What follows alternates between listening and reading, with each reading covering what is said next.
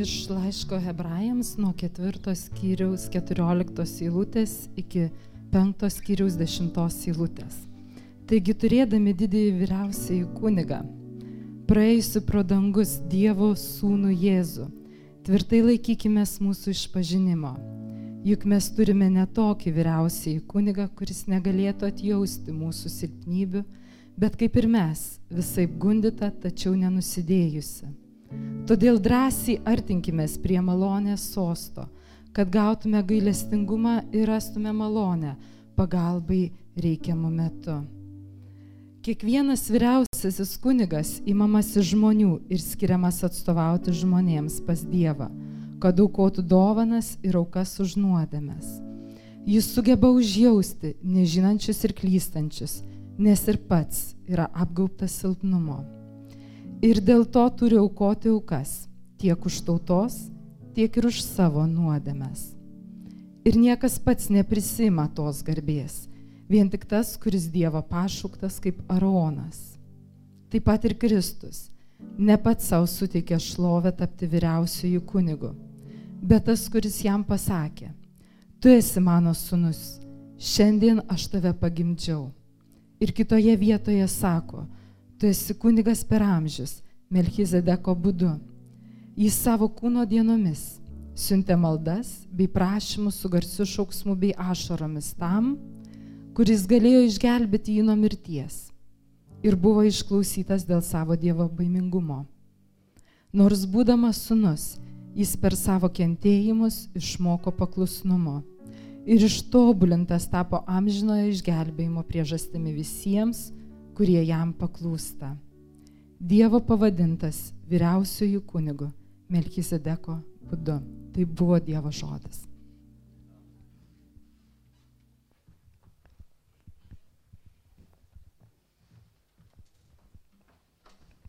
Labadiena visiems, prašau atsisėsti.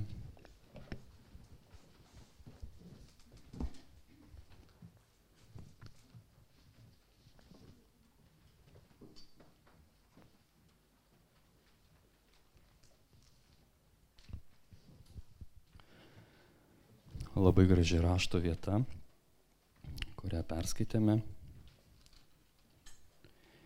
Ir skaitydami raštą mes visuomet turime jo atsiprašyti, kadangi kai skaitome ištrauką, visuomet ją ištraukiame iš konteksto.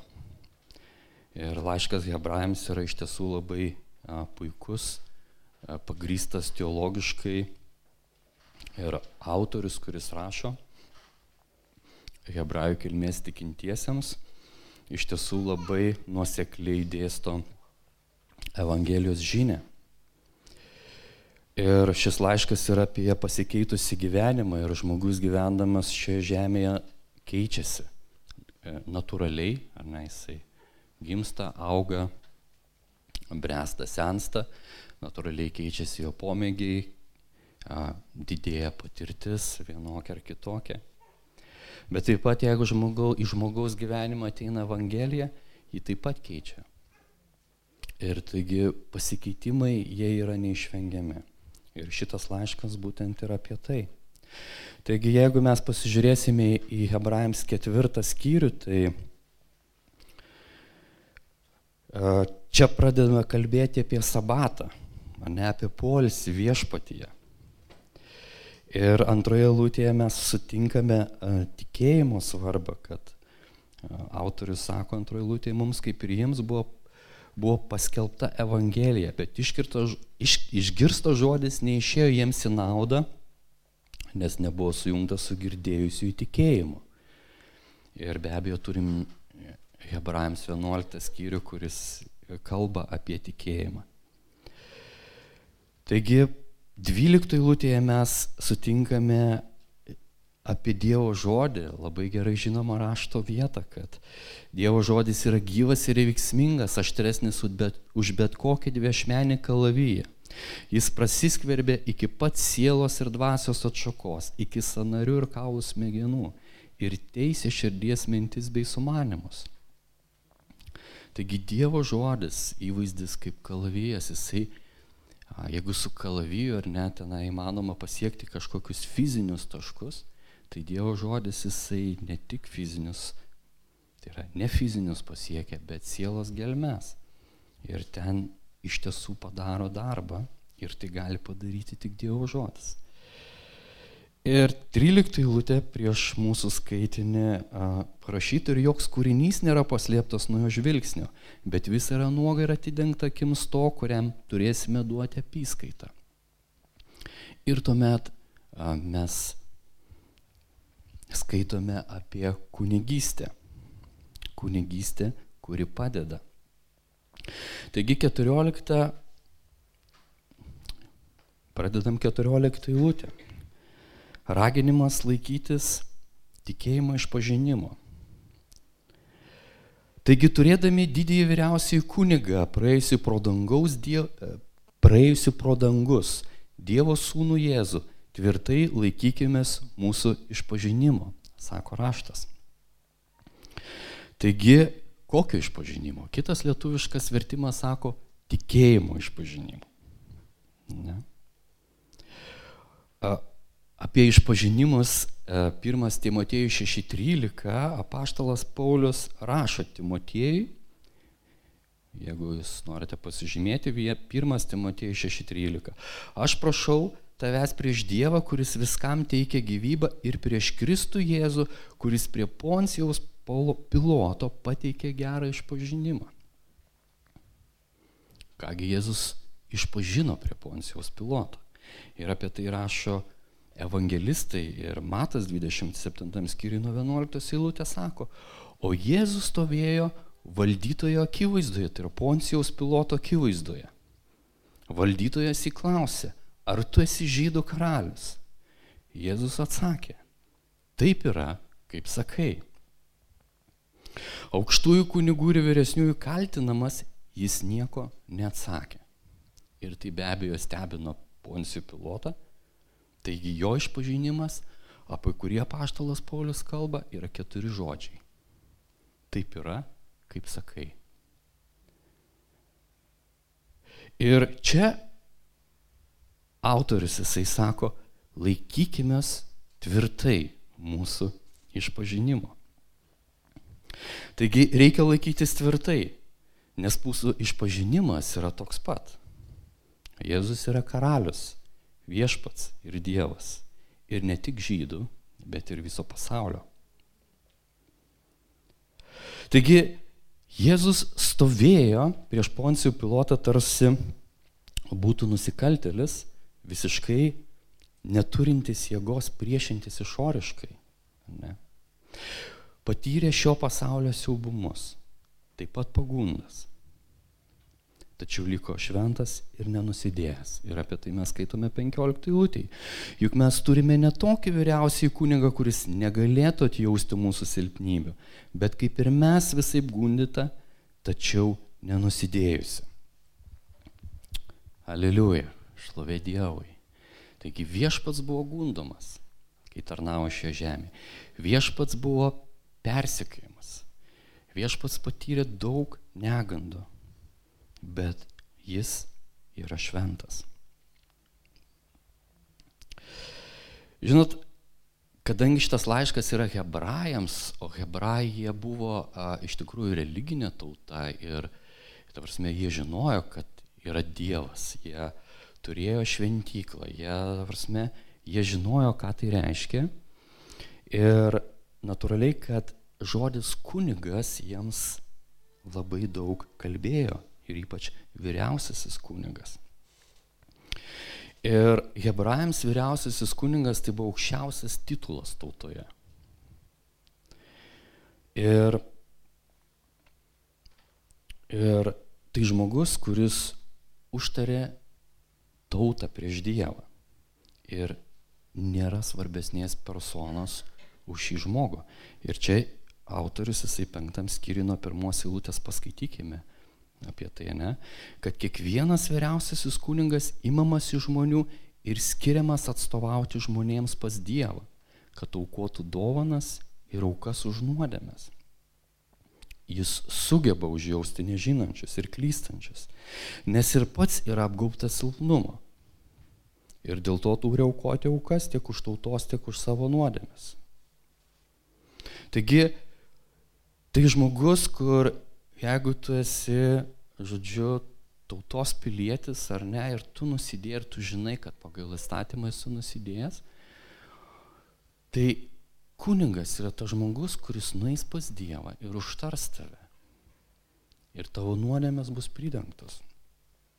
Tai raktinė persona tavo gyvenime, kad jeigu jis nenueis ir jis ne, neatstovaus tavęs, iš tikrųjų bus negerai, ateis Dievo bausmė.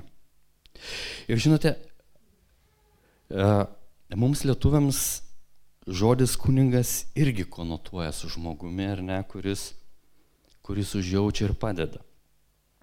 Ir natūraliai, kad e, mes tikimės, kad kuningas jisai būtų tas, kuris kovoja už teisingumą, kur a, yra gailestingas, tarnauja bažnyčioje ir meldžiasi.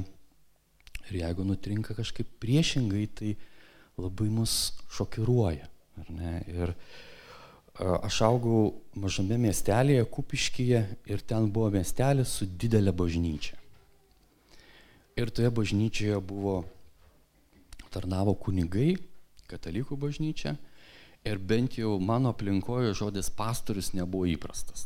Pastorius tai čia jau kaip ir protestantų e, tarnautojas, nebuvo įprasta. Ir natūraliai, kad jeigu išgirsti žodį kunigas, man iš karto asociacija, kad va, ta bažnyčia raudona su raudonom plytom, kad ten yra altoriai, kad ten kažkas vyksta ir, ir natūraliai, kad kunigai dalyvaudavo visuomeniniai veikloj ir politiniai ir, ir iš tiesų turėdavo tokią nemažą įtaką.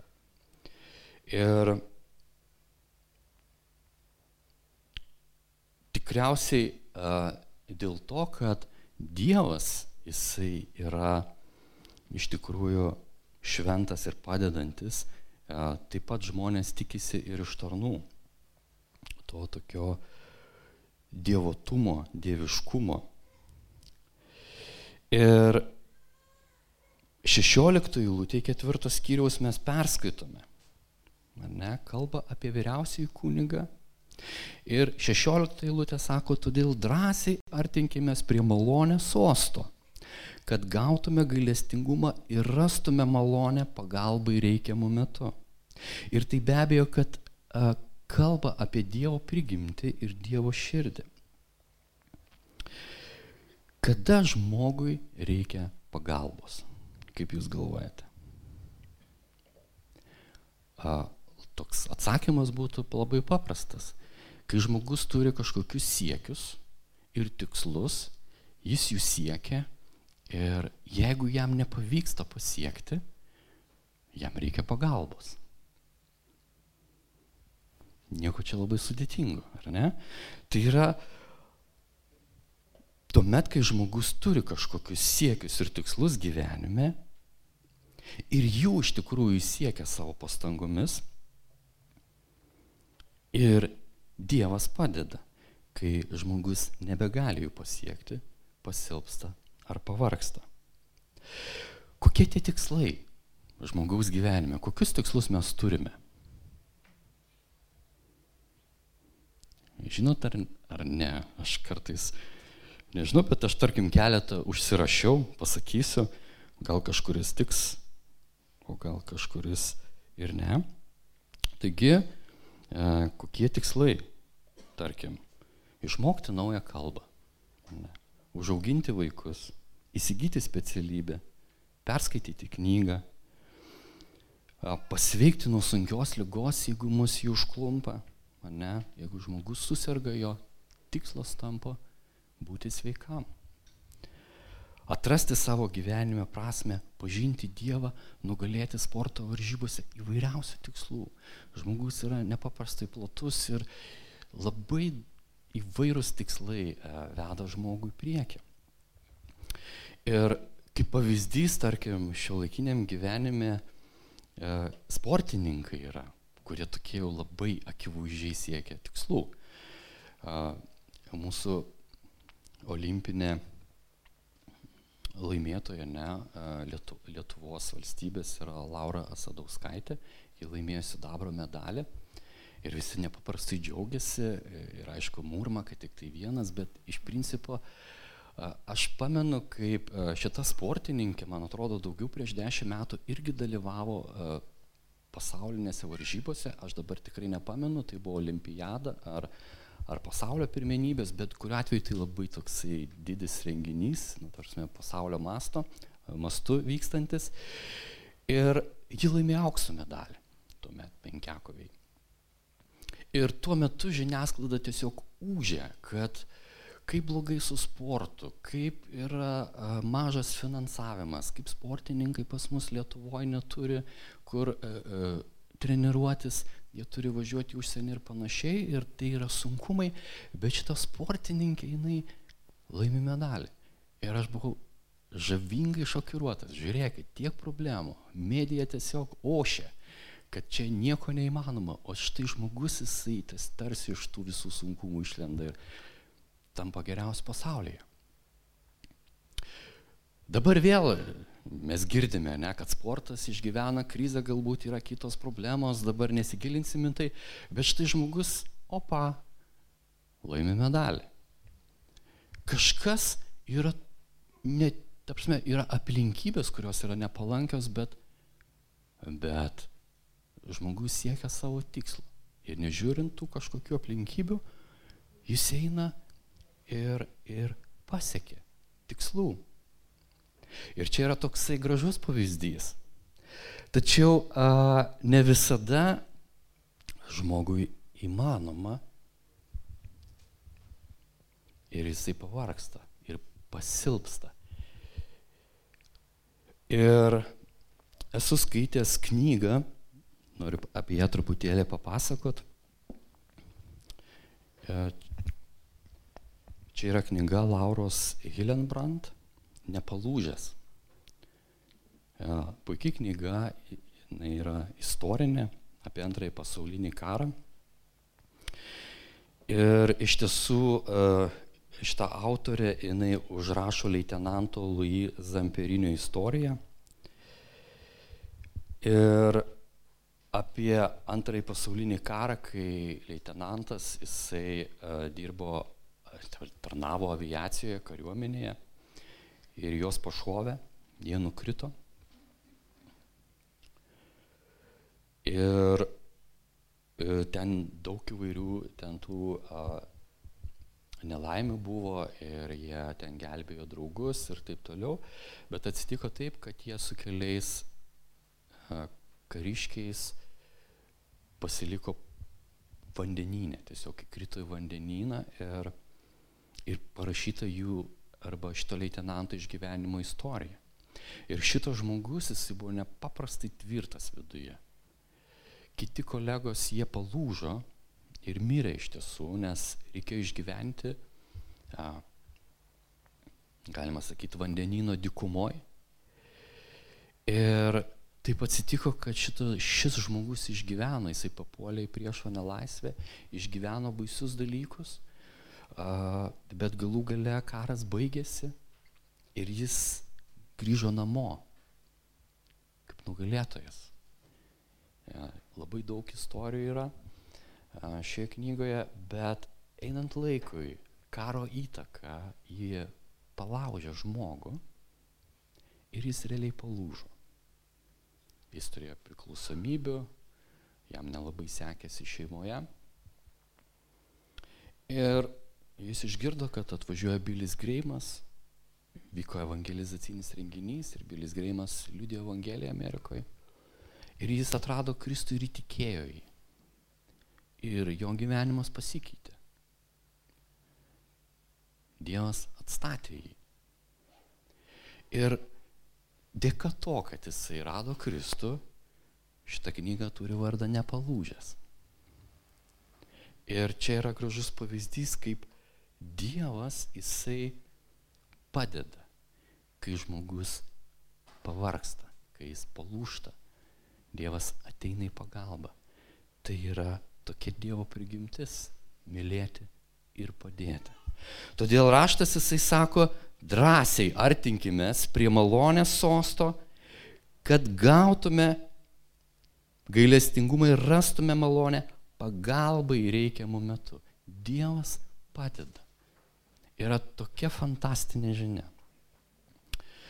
E, tarp kitko pasakysiu, kad jeigu kas nors norit paskaityti šitą knygą, jūs ją galėsit pasimti, čia vasaros skaitiniams jinai puikiai tinka, jūs galite prieiti prie manęs arba tiesiog dabar ateiti ir pasimti, jeigu labai norit skaityti ir tikrai turėsite tokią nu, gerų įspūdžių ir tokių prasmingų e, pamastymų. Taigi, šlovė Dievui. Dievas yra, yra geras. Taigi, iš ties mums reikia žinoti, kad Dievas yra linkęs padėti. Jis pasiruošęs padėti, nepriklausomai nuo to, kokiuose aplinkybėse mes esame. Ir mes dažnai smerkiame save, kai a, dėl mūsų silpnumo nuodėmių, tarkim, su kuriuo mes nesusitvarkom, a, mes pradedame kaltinti save, smerkti, a, mušti, bet a, Dievas sako, a, kad iš ties ateik pas mane ir Dievas mūsų nesmerkia. Jis smerkia nuodėmę. Ir to įrodymos Kristaus kryžius, kad kai mes pamatome silpnumą savo gyvenime, mes turime teisę ir netgi viešpatės nurodymą ateiti pas jį ir jisai padės, nes raštas taip sako. Taigi praregėjimai pamatant mūsų silpnumus arba pasilpus gyvenime iš tiesų padeda mums keistis ir artėti prie Kristaus. Ir tokia yra Dievo valia. Ir Dievas yra geras. Pasižiūrėkime toliau. Iš ties apaštalas ar autorius, mes nežinome, kas jis toks, bet be galo dievotas ir a, žmogus, jisai rašo labai įdomiai kuningas Melchizedeko būdu. Ir be abejo, kad vyriausiasis kuningas Jėzus Kristus, bet e, jis sako, kad kuningas per amžius Melchizedeko būdu, šeštas skyrius. Šeštą lūtę, atsiprašau, penktas skyrius. E, kas čia per kodas? Melchizedeko būdu, ar ne? Ir šiaip man, bet, skaitant tokiam lietuviui, žinot, galvo Melchizedeko, ką, ką tai reiškia apskritai.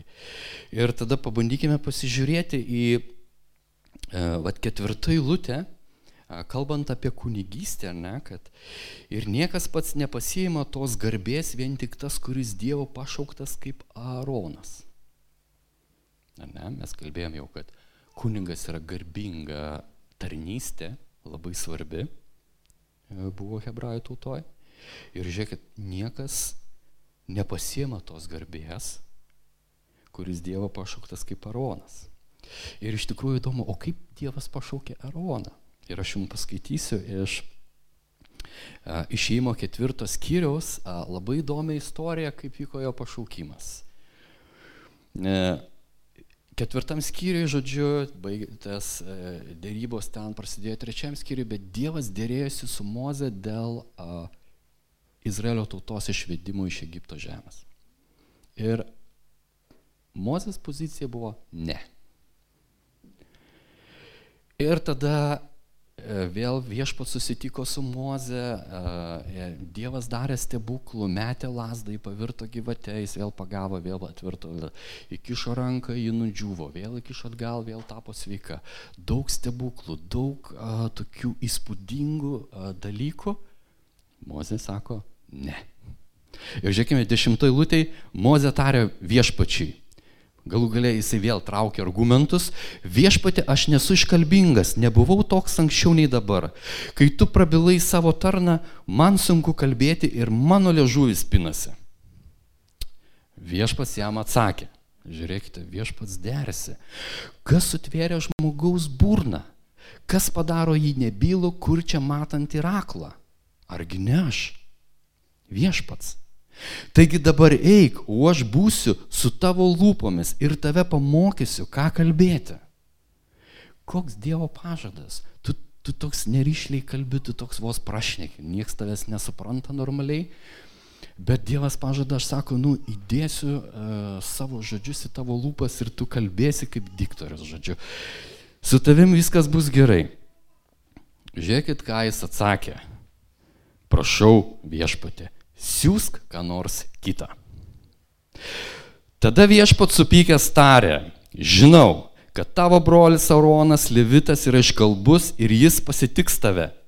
Tave pamatęs jis džiaugsis savo širdyje, tu kalbėsi jam ir įdėsi žodžius į jo lūpas. Aš būsiu su tavo ir jo lūpomis ir jūs pamokysiu, ką turite daryti. Jis kalbės už tave tautai, jis bus tavo lūpomis, o tu būsi jam vietoje Dievo pasimk šitą lasdą, su kuria darysi ženklus. Ir Moze su Dievu išsiskyrė, sutarė. Viešpats žodžiu davė kompromisą. Nu gerai, tu užsispyręs ir būk. Aš tau duosiu uh, Aroną ir jisai, vat, kaip sako, jis apsidžiaugs. Aronas. Ir iš tikrųjų, kai skaitom istoriją toliau, Aronas tikrai nes, nes, nesispyriojo kaip Moze prieš Dievą. Jisai iš karto sutiko, Mozė jam viską papasako ir jie iš karto nuėjo pas izraelitus vyresniuosius ir, kaip pasakyti, darom. Ta prasme, viešpats liepia, tai ir darom. Taigi, Arono pašaukimas buvo absoliučiai, absoliučiai Dievo sprendimas.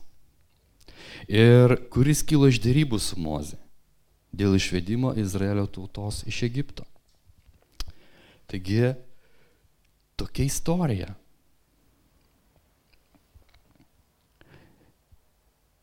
Penktoje eilutėje autorius sako, taip pat ir Kristus ne pats savo suteikė šlovę tapti vyriausiai kunigu, bet tas, kuris jam pasakė, tu esi mano sunus, šiandien aš tave pagimdžiau. Ir autorius labai aiškiai sako skaitytojams, kad Kristus yra pašauktas būti vyriausiai kunigu Dievo numatymu. Ir žinote, labai įdomus išsireiškimas, arba kuris jam pasakė, tai yra Kristui, tu esi mano sunus, šiandien aš tave pagimdžiau. Ir lygiai tos pačius žodžius mes atrandame psalmių knygoje. Antra psalmė, septinta eilutė. Psalmininkas užrašė tokią giesmę. Aš paskelbsiu nutarimą, kurį viešpats man pasakė. Tu mano sunus šiandien tave pagimdžiau. Taigi, Dievas pagimdė sūnų. Ir jo sprendimas buvo, kad jis taptų vyriausiai kunigu. Ir be abejo, kad Kristus nebuvo iš žmogaus. Nes mes čia skaitome, jį pagimdė Dievas. Arba kitaip sakant, atsiuntė į žemę. Ir Kristus nėra Marijos vaikas vien tik su savo genealoginė linija kaip žmogus, bet jis yra Dievo siūstas ir Dievo pagimdytas per mergelę Mariją. Ir kadangi tai yra laiškas hebrajams ir hebrajams, izraelitams, buvo labai svarbu a, šaknis, kilmė. Ir a, dėl to Mato Evangelija, žiūrėkit, pradėsim skaityti Mato Evangeliją, ten yra nuo, nuo Domo iki, iki Kristaus. Ir tai yra labai svarbu, bet šioje vietoje autorius sako, tai ne, tai yra Dievas. Dievo sprendimu atėjęs į žemę. Taigi, Prieiname mes prie Milchezedeko. Ir kitoje vietoje sako šeštailutė, tu esi kuningas per amžius Melchizedeko būdu. Melchizedeką mes sutinkame a, pradžios knygoje, Abromo istorija. A, Abromas buvo ten sąjungoje su su kitom tautom ir, ir ten tarp jų vyko įvairūs karai. Ir 14 eilutėje nuo 14 skyriui, nuo 14 eilutės Abromas išgirdęs, kad jo brolis sūnus buvo išvestas į nelaisvę, apsiginklavo 318 savo išlavintų tarnų, gimus jo namuose ir vyjosi priešą iki Dano. Ir toje istorijoje Abromas iš tiesų laimėjo ir nugalėjo. Ir kai jisai grįžo, 18 eilutėje parašyta, Melchizedekas, Salemo karalius atnešė duonos ir vyno, jis buvo aukščiausiojo Dievo kunigas. Jis laimino jį, tai yra Abromas sakydamas, te būna Abromas palaimintas aukščiausiojo Dievo dangaus ir žemės valdovų. Te būna šlovinamas aukščiausiasis Dievas, kuris atidavė tavo priešus į tavo rankas. Ir Abromas davė jam dešimtinę nuo visko. Taigi, aukščiausiasis kunigas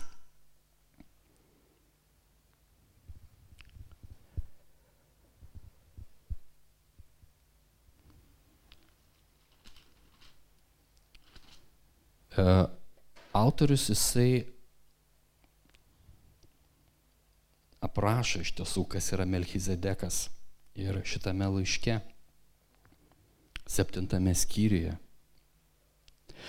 Tasai Melchizedekas, Salemo karalius, aukščiausiojo Dievo kunigas, sutiko Abromą, kai jis grįžo, sumušęs karalius ir palaimino jį. Abromas atidavė jam nuo visko dešimtinę Išvertus jo vardą, jis pirmiausia teisumo karalius, paskui Salemo arba ramybės karalius. Be tėvo, be motinos, be kilmės sąrašo, neturintis nei dienų pradžios, nei gyvenimo pabaigos, panašus į Dievo sūnų. Jis lieka kuningas visam laikui. Taigi, kas tas Melchizedeko būdu? Ir mes čia atrandame atsakymą. Teisumo karalius, ne Melchizedeko vardas. Ramybės karalius. Pirmiausia teisumo, paskui ramybės. Ir be abejo, kad Melchizedekas jis buvo įvaizdis, ne, Dievo sūnaus. Nes jis panašus į Dievo sūnų, sako raštas. Taigi Jėzus Kristus, aukščiausiasis kuningas, yra ramybės karalius. Ir Dievas yra viešpats. Ir jis viešpatavo žemėje ir yra kupinas ramybės. Žinote, kai pagalvoju, kad Dievas yra ramybės karalius, iš ties tai yra taip priešinga žmogaus prigimčiai. Kai aš augau, e, aš dar esu patyręs to sovietinio mentaliteto nelabai, labai nemažai. Ir aš pamenu, kai būdavau vaikas ir paauglys, aš a, tokia nuolatos jausdavau tokį geležinį kumštį, galim tai pasakyti. Jeigu tu kažką blogai padarysi, a, tau dės. Jeigu tu kažkur tai tave nubaus. Įvairių ten tokių, kad tave ištisai, jeigu aš pamenu, eidavau gatve, tiesiog einu gatve, tame pačiame kupiškyje, tokiam bažnyčios miestelėje, ir einu ir aš atsimenu, man buvo gal 10 metų ir vaikai žaidžia kieme, tiesiog toks privatus namas, ten vaikai žaidžia ir aš einu pro šalį ir jie mane pradėjo užgaulioti. Ir taip labai labai piktai. Ir man pačiam kaip vaikui buvo, iš kur tas pyktis toksai, iš kur tokia nepykanta, iš kur toksai a, dalykas. Ir natūraliai, kai tu gyveni tokioje aplinkoje, tu tampi tokiu pat. Ir pyktis, taisyklės, a, kažkokie tai įpareigojimai, tu turi daryti, tu turi dirbti, tu turi, žodžiu, kažkas tokio, kad tu tarsi kaip koncentracijos stovyklą ir tai atrodo normalu, nes nu, aplinka tokia. Bet a, apie kažkokį ten polisį, ne, polisis tenai kažkam tai tik tai, bet ne tau. Ir, ir va šitoj vietoj, a, ta prasme, kad tai, tai formuoja ir iš tiesų, ir, Ir mes esame, aš galvoju, kad kai kurie iš jūsų dar ten baisesnių dalykų, tai aš buvau vaikas, dar nieko nesupratau. Yra tie žmonės, kurie apskritai kovojo prieš tą sistemą, ne, kaip partizanai, kurie priešinosi pogrindyje. Jie iš tiesų išgyveno tuos uh, baisius dalykus nuo to režimo ir, ir kai kurie net paukojo gyvenimus savo. Ir, ir iš tiesų jie, jie tikėjo tai, ką jie daro, bet kai yra tokia aplinka, labai lengva sulūšti ir galvoti, kad Dievas yra toks pat. Bet Kristus yra kuningas Melchizedeko būdu. Jis yra ramybės karalius. Jis yra tas, kuris vis, viską laiko. Aleliuja. Ir žiūrėkite, kame aš galvoju, o aha, ramybė. Viešpatė, ramybės karalius. Kaip visa tai a, turi atrodyti? Kaip pasisemti iš Dievo ramybės? Ir žiūrėkite, patarlių knygoje parašyta, ten čia vėl ištraukta iš konteksto eilutė patarlių patarlių, mm, neužsirašiau skyriaus, atsiprašau, 21 eilutė.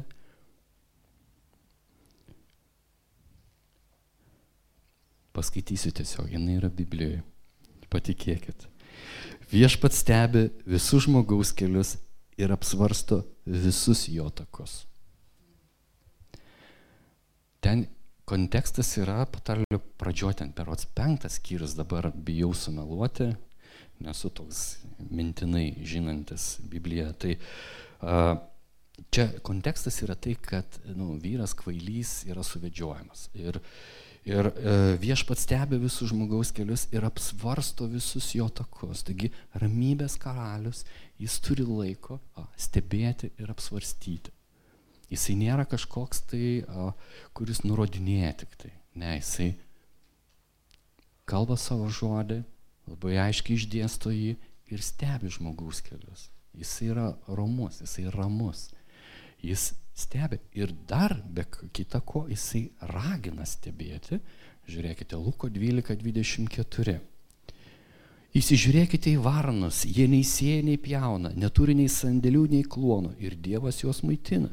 Jūs nepalyginamai vertesni už paukščius. Bet čia kalno pamokslas, ar ne, kad žiūrėkite į paukščius. Žinote, žiūrėti paukščius reiškia e, atsisakyti viso savo erzelio gyvenimo. Reiškia kažkaip atsiskirti ir stebėti paukštį. Prie paukščio neprieisi taip, ei labas, norite stebėti, tu turi tykoti, kad tu jį matytum. Šiandien mums padeda YouTube'as. Galim įsijungti filmuką, kaip a, tie mokslininkai, kurie geba tai daryti, jie, jie stebi tuos paukščius. Ir įdomus dalykas, kad paukščiai nuolatos dirba. Jie turi tikslų. Jie turi tikslą, žodžiu, turėti šeimą. Jie turi tikslą išperėti vaikus. Jie tą daro. Jie turi tikslą užauginti vaikus. Ir nėra tai, kad čia parašyta, paukštis atsigula, išsižioja ir vykšras įkrenta į jo snapą. Jie dirba, stengiasi ir turi tikslų ir siekia jos. Ir viešpats sako, o jūs nepergyvenkit, jūs būkite ramus. Be abejo, dirbkite. Viešpats laimins jūs, nes jūs esate daug svarbesni už paukščius. Taigi Dievas padarė tiek daug mums paprastiems žmonėms, siuntė savo viengimių sūnų, kad išgelbėtų mus amžinajam gyvenimui. Ir jis švelniai su ramybė kviečia mus kreiptis pagalbos į Dievą, parodydamas pavyzdį. Žiūrėkite, septinta eilutė. Jis savo kūno dienomis siuntė maldas bei prašymus su garsiu šauksmu bei ašaromis tam, kuris galėjo išgelbėti jį nuo mirties ir buvo išklausytas dėl savo dievo baibingumo. Nors būdamas sunus, jis per savo kentėjimus išmoko paklusnumo ir ištobulintas tapo amžinoje išgelbėjimo priežastimi visiems, kurie jam paklūsta. Dievo pavadintas vyriausiųjų kunigų Melchizedeko būdu. Taigi, kuningas, kuris padeda, kuningas, kuris supranta, kuningas, kuris neatstumia, bet palūžusi pakelia. Tai yra Dievas, kuriuo mes tikime. Tai yra pati gražiausia pamoka mums tikintiesiems atrasti tą, kuris mums padeda, kai nesiseka. Norėčiau pabaigti vieno knygos ištrauką, kaip žmonės keičiasi. E, čia yra dviejų autorių knyga, aš manau, kad jūs galbūt esate skaitę. Ir viename skirelėje kalbėdamas apie a, tą pasikeitimus, jisai kalba, tikros vilties pagrindas ne mano rezultatai, branda, teologinės žinios ar asmeninis tobulumas, jos pagrindas ne mano charakterio savybės, geras vardas ar tarnystės pasiekimai. Mano viltis yra Kristus. Jis mano gyvenime amžiams, jis mano gyvenime amžiams žiūri į mane švelniai ir su užuojauta. Jėzus keis mane tol, kol pabaigs darbą. Būtent ši viltis padeda mums ištverti diglius savo gyvenime. Kitaip sakant, sunkumus savo gyvenime. Taigi, iš ties Dievas padeda žmonėms Ir didžiausias to įrodymas yra Jėzaus Kristaus Dievo Sūnaus auka ant kryžiaus ir jo prisikėlimas. Taigi, kaip ir Hebrajams laiškas sako, sujunkime šią žinią su mūsų tikėjimu ir priimkime šią Dievo dovaną. Amen. Pasimelskim. Brangus viešpatė, mes dėkojame už šią žinią, už Evangeliją, kurią tu dėstai raštuose. Dėkojame Dievę, kad turime Jėzų Kristų vyriausiųjų kunigą, kuris amžiams viešpatė paukojo save, kad mūsų nuodėmės būtų atleistos, kad kiekvieno nuodėmės būtų atleistos. Nėra skirtumo, kokios mes tautos, rasės, kilmės, Dievas atviras viešpatė pagelbėti mums ir mes dėl to dėkojame tau. Meldžiame viešpatė, kad Evangelijos žinias klistų viešpatė ir meldžiame, kad Evangelija būtų atverta tautoms, kad žmonės galėtų viešpatė iš tiesų regėdami Kristų priimti amžiną gyvenimą ir jo dovaną nuodėmių atleidimą. Mes šloviname tave viešpatė už šią nepaprastai didžią dovaną, už tą garantą, už viltį, už tikėjimą, kad šioje žemėje esame tik akimirką, bet amžinybėje gyvensime su tavimi. Todėl, kad tu esi geras, todėl, kad tu padedi mums, todėl, kad tu viešpatė esi tas, į kurį mes galime atsiremti. Garbiname tave iš viso širdies ir viešpatė aukštiname vienintelį tavo šventą vardą. Amen. Pagarbinkim viešpatę.